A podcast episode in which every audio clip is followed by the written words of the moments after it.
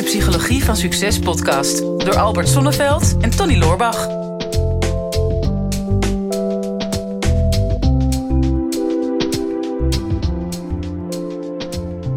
Ik weet niet hoe het met jou uh, zit, Tony, maar ik ben er toch wel achter gekomen dat ik over het algemeen in mijn leven meer geef dan dat ik bereid ben om te ontvangen. Hoe zit dat bij jou? Nou, ik, ik hoop daarmee het universum wat in, belang te in balans te brengen. Ik, ik, neem, ik neem alleen maar. Ik ontvang alleen maar. Ik geef nooit wat. Mensen langs de deuren komen ook. Dan, dan doe ik net of ik niet thuis ben. Ik geef, geef niks. Nee, nee, nee, nee. nee, Geef ik ook nou, niks om. Ja, het klinkt allemaal stoer. Maar uh, gelukkig ben ik regelmatig op jouw bedrijf. En dan uh, zie ik dat het ook wel heel anders is. En uh, je neemt ze vaak mee op hele mooie tripjes. Ja, naar het buitenland. Dat, is iets anders. Ik ben een werkgever, hè? dus ik geef wel, maar ik geef alleen, ik geef alleen werk. Ja, ja. nou, er zijn mensen die daar uh, anders uh, in zitten. We hebben uh, iemand die, die een, wat, wat steeds meer mensen doen via, meestal via Insta of, of via LinkedIn. Die sturen mm. ons allerlei vragen. Wat Tegenwoordig... hip hoor, Albert. Nou, je, je zegt gewoon Insta. Ja, ja. Ja, ja, ja, dat, is, hip hoor. Dan ben, dan ben je wel een kenner. Dan zit je er echt in. Ja, ja kniediep. En uh, nou, ik ga het me niet zeggen, maar over een paar weken hoop ik 60 te worden. En dan, als je dan dit soort uh, modetaal nog kunt gebruiken, dan, ja, dan hoor ja, ik dat, dat, dat, dat is heel cool, ja. Ik, ik voel me super jong inmiddels. Iemand die... Iemand die, uh, die, die anoniem wenst te blijven, die, die, ja, die sturen ook vragen in. Um, er zijn mensen die blijkbaar niet besmet willen raken. En dan denken, dan zet ik mijn naam niet onder. Dan kan ik ook niet geraakt worden door het virus. Ja. Uh, hallo Tony en Albert. Allereerst grote complimenten voor jullie podcast. Zo moet je altijd beginnen, anders wordt de vraag sowieso niet beantwoord. Mm -hmm. uh, ik luister altijd met veel plezier. Kort, krachtig, humor, spiritueel, maar ook praktisch. Zelf heb ik een vraag over het balans kunnen vinden tussen geven en ontvangen. Ik geef veel liever dan dat ik ontvang. In onze maatschappij wordt geven beloond. Maar volgens mij is er ook moed voor nodig om echt te kunnen ontvangen. Zelf heb ik het probleem dat ik te veel geef, waardoor dat mijn energielevel opraakt. Nou, en dit uit zich sterk in relaties. En aangezien we op alle gebieden relaties hebben, of nou een werkrelatie is, of een emotionele relatie, of familierelatie, dan mm hadden we het uh, voor deze opnames nog even over. Uh, hoe doe je dat dan? Mm -hmm. Of een uh, liefdesrelatie. Hoe, hoe doe je dat nu eigenlijk? Nou ja, het is een vraag die wij nog niet eerder beantwoord hebben in de podcast. Dus ik denk, dat is wel lekker om die gewoon even aan bod te laten komen. Ja, ja, nou. en dat is een lekkere lange vraag. Dus dat is al het grootste gedeelte van de podcast mee gevuld. ja, en jouw antwoord kennen we. Hè? Je bent de werkgever en voor de rest neem je alleen maar. Ja. Uh, even zonder flauwekul, Tony. Hoe doe je dat zelf? Want uh, ik, ik, ik ken jou als iemand die veel geeft. Ja, maar dat is ook, uh, dat is ook het meest comfortabel. Hè? Dat, dat, wij, wij hebben heel vaak gezegd... Um, dat je als mens dat je uh, liever iets voor een ander doet dan, dan voor jezelf. Ja. En ik heb dat ook altijd voor mij het idee gehad. En dat bedoel ik helemaal niet als van daar moet ik een compliment voor hebben. Van hè, ik doe liever iets voor een ander dan voor mezelf. Want dat is puur, dat is puur eigen belang. Ja. Want als jij iets voor een ander doet, dan krijg je daar een goed gevoel bij. Uh, en dan heb je geen schuldgevoel dat jij bij iemand in de schuld staat. Maar dan heb je het idee dat je krediet hebt opgebouwd. En dat de ander bij jou in de schuld staat. En het is een heel comfortabel leven als jij het idee hebt. Dat, uh, dat zeg maar, als je de optelsom maakt in jouw sociale leven, dat iedereen bij jou in de min staat. Omdat jij meer voor hun hebt gedaan dan andersom. Ja. Dus dat is een hele fijne gedachte. Maar het is ook een egoïstische gedachte. En, en uh, het, het menselijk brein is in de kern ook egoïstisch. Hè? Dat, is, dat is je eerste laag. In eerste instantie uh, denk je aan je eigen overleven en aan je eigen geluk. En als, als dat overleven zeker is, um, dan, dan komt het sociale aspect. En dan ga je meer voor andere mensen doen. Ja. Zo heb ik het voor mijzelf ook altijd ervaren. Dat ik denk van ja, dat is, het draagt bij aan mijn overleven. En het draagt bij aan mijn geluk. Als ik aan heel veel mensen iets heb gegeven, omdat ik dan in mijn achterhoofd weet van er gaat ooit een dag komen dat ik dat weer terug ga krijgen. Ja, dus altruïsme, zoals ze dat met een heel mooi duur woord uh, noemen. Hè? Dus het steeds maar belangeloos willen geven aan anderen. In jouw beeld van de wereld bestaat dat niet echt. Of, nee. of is het er wel, maar is het pas op het moment dat je basisbehoeften helemaal vervuld zijn. En want dat is vaak wat ik wel zie bij ondernemers, ook succesvolle ondernemers, dat die ja, het eerste deel van hun leven keihard werken en dan financieel onafhankelijk zijn. En dan in één keer zie je iets van giving back. En nu, uh, de, de, de, uh, nou ja, nu wil ik in één keer een fonds gaan oprichten en in derde wereldlanden dingen gaan, uh, gaan, gaan doen om in ieder geval het gevoel te hebben dat ik een bijdrage kan leveren aan de wereld. Ik Ja. weet dat jij ook eh, toch een stichting hebt om, eh, om Ja. mensen uiteindelijk te Maar- helpen. Maar daarin was deze vraag ook best wel eh, eh, cruciaal. Hè? Ik, ik heb met mijn broer toen een stichting opgezet. eh, voor, het, voor het goede doel. En eh, we hebben toen best wel een lang gesprek over gehad. Dat wij eh, eh, in eerste instantie een kernwaarde hadden van... de echte gullegever is anoniem. Dus Mhm. als jij geld geeft aan een goed doel... eh, dan is op het moment dat jij je naam erbij zet en iedereen kan dat zien. Ja, hoe Ja. gul was dan die gift nog? Hè? Ging het jou dan omdat je die andere mensen iets wilde geven? Of ging het je in ieder geval ook deels om het feit dat je dan erkenning zou krijgen van je omgeving over dat jij die donatie hebt gedaan? Ja, En denk maar eens bij jezelf over na. Van alle donaties die jij in je leven hebt gedaan, alle cadeaus die jij hebt gegeven, ja, hoe belangrijk vond je toen dat je daar de erkenning voor kreeg? En eh Gerard en ik hadden toen zoiets van: als wij een, een stichting willen opzetten. En het moet echt voor het goede doel zijn. Moet die stichting dan bijvoorbeeld onze naam dragen? Hè? Nu heet het de Loorbach Foundation. Nou, Ja. dat is lekker egocentrisch natuurlijk. en, eh, en dan, en dan gaan, lopen we er ook nog mee te koop dat wij Ja. die stichting hebben. En dat doen wij omdat wij eh, met die promotie in staat zijn om de stichting groter te maken. Want mensen kunnen donateur worden. En dat geeft ons meer slagkracht om een grotere impact te maken. Dus het doel heiligt in dit geval de middelen. Ehm, maar ik vind, ik vind dat nog, nog steeds lastig. Hè? Dus die, die balans. Ik denk dat je gewoon akkoord moet gaan dat ehm eh, eh, 100% belangeloos geven. Haal je eigenlijk niet, omdat als jij er maar een goed gevoel voor krijgt dat je iets hebt gegeven, dan was het dus eigenlijk al niet belangeloos. ja. Ja, dat is. ehm, ik, ik heb het daar met Robert Lefevre over gehad. Hij is eh, verslavingsarts. En hij zei: vaak in relaties naast iedere verslaafde is een compulsive helper. Dus bijna iemand die een, een goed gevoel van krijgt om anderen te helpen. Dus onze anoni- anonieme vragensteller of stelster ook van... Ja, het eerste wat je sowieso moet doen is... hoe onbaatzuchtig geef je? Of zit er toch nog een behoefte of een verlangen eh, achter om iets terug te krijgen? Dus misschien is het wel egoïstischer tussen aanhalingstekens... dan dat je in eerste instantie zou willen of zou willen toegeven. En wees daar gewoon heel eerlijk over...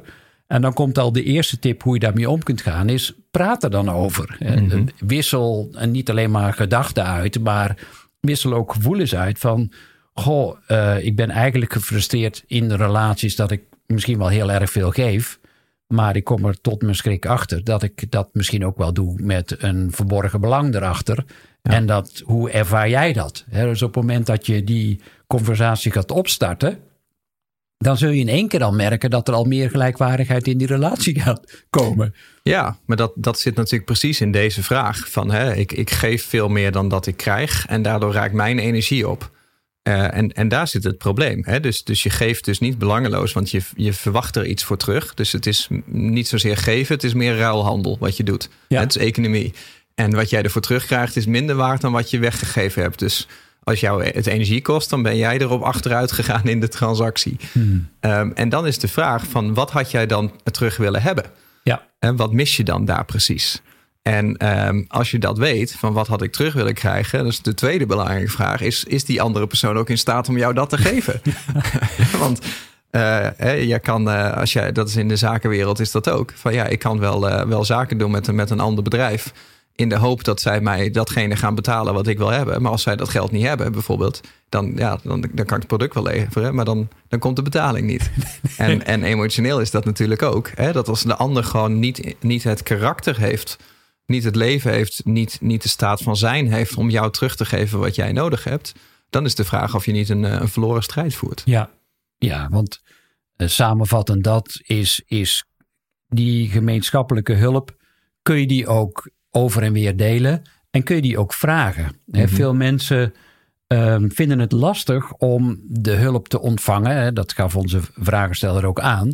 En dat heeft vaak weer te maken met eigenwaarde. Ik noem dat vaak de landingsbaan.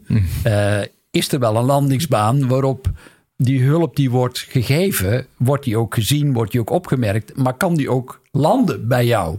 Want als jij het gevoel hebt, ja, eh, ik, kan, ik, kan, ik ben dat niet waard om te ontvangen. En dat, we weten dat vaak in complimenten. Dat is ook gelijk de derde tip die ik daarbij heb. Is eh, als iemand jou een compliment ziet van... Goh, wat, wat zie je er leuk uit. Of wat zit je haar goed. Of zo is het. Ja, bedankt man. Ja. uh, Johan heeft hij niet tegen mij gezegd trouwens. Nou ja, ik wil je niet meteen in de haren strijken, maar... Nou ja, ik heb wel een landingsbaan gebouwd. Ja. Maar daar heb ik nog vooralsnog geen compliment op gekregen. Nou ja, dus, de, dus hier heb je het al. Hè? Dus het, uh, in dit geval merk je al dat het voor Tony heel lastig is om het compliment te ontvangen.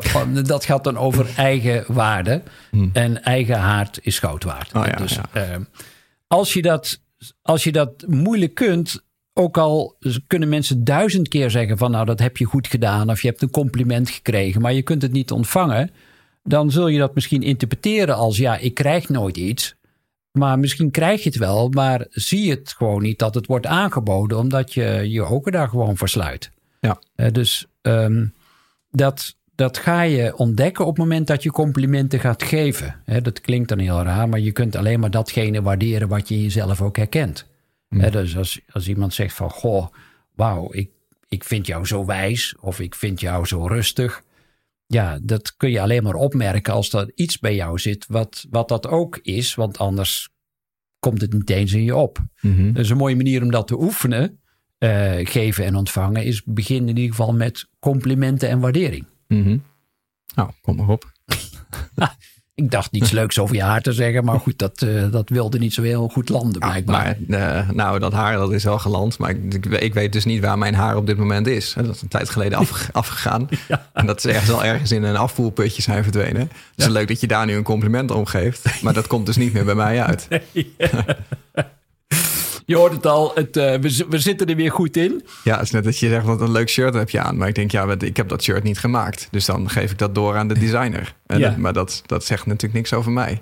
Het kan zijn dat ik ook moeite heb met het accepteren van complimenten. Dit is, uh, nou, dit is natuurlijk acting out. Hè. Dit, dit wordt wel heel duidelijk op deze manier. En merk je, zo kan het dus bij mensen gaan. Dat die, um, zeg maar, in gevoel iets uh, op zich afkrijgen... en daar gelijk een rationele verhaal van maken. Dus blijf daar zoveel mogelijk in weg. En accepteer ook dat niet alles gewoon perfect is. Dat dat het kunnen geven en ontvangen, dat dat ook in golven gaat. Soms kom je weer terecht in zowel uh, in, in werkrelaties als in liefdesrelaties of familierelaties.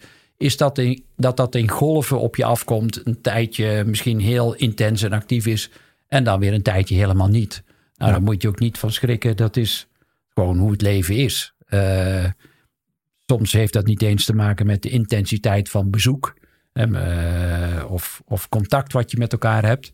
want soms gebeurt het als je iedere week een meeting hebt op kantoor. Dan zul je merken dat misschien een maand lang die meetings niet vooruit te branden zijn. En dat je dan weer een, een week later zoiets hebt. Ik weet niet wat er aan de hand is, maar het, het stroomde weer. Mm -hmm. Nou, um, en dat heeft dan niks te maken met te veel geven of ontvangen. Dat heeft gewoon te maken met de ruimte die je zelf en de ander geeft om het in de dynamiek te laten gebeuren. Mm -hmm. uh, precies wat jij zegt, anders wordt het een soort transactie, ruilhandel.